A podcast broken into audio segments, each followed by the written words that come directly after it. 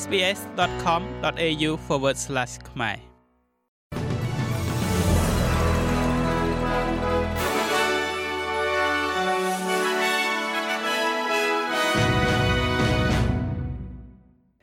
សូមស្វាគមន៍មកកាន់នេតិព័ត៌មានខ្លីៗរបស់ SBS ខ្មែរសម្រាប់ថ្ងៃទី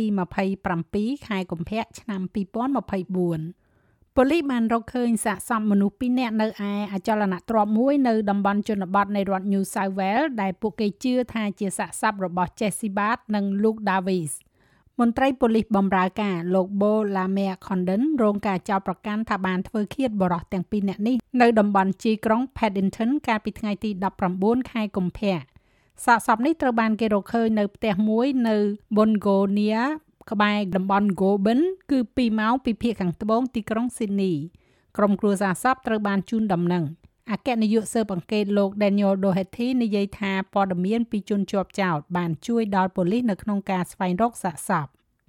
មួយទៀតនោះពាក់ព័ន្ធជាមួយនឹងការថ្លែងសន្ទរកថាចុងក្រោយរបស់លោកអតីតនាយករដ្ឋមន្ត្រី Scott Morrison ទៅកាន់សភានៅមុនពេលលោកចូលនិវត្តន៍ពីនយោបាយ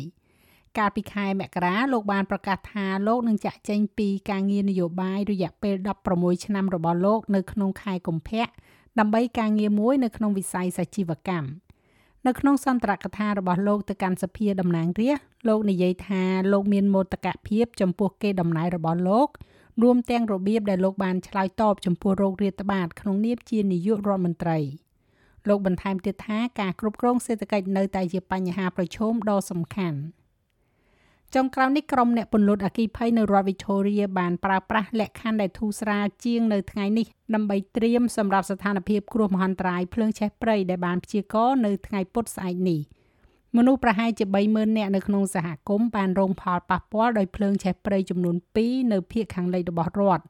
រួមទាំងភ្លើងឆេះនៅផ្លូវ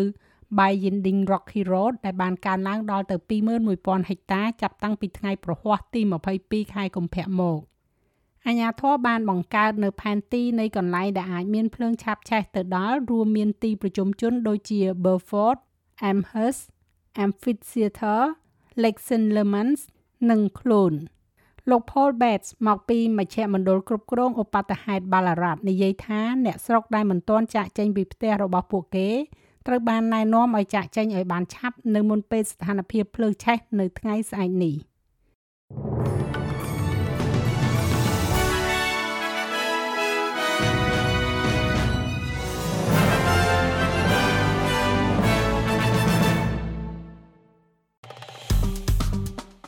like share comment និង follow SPS ខ្មែរនៅលើ Facebook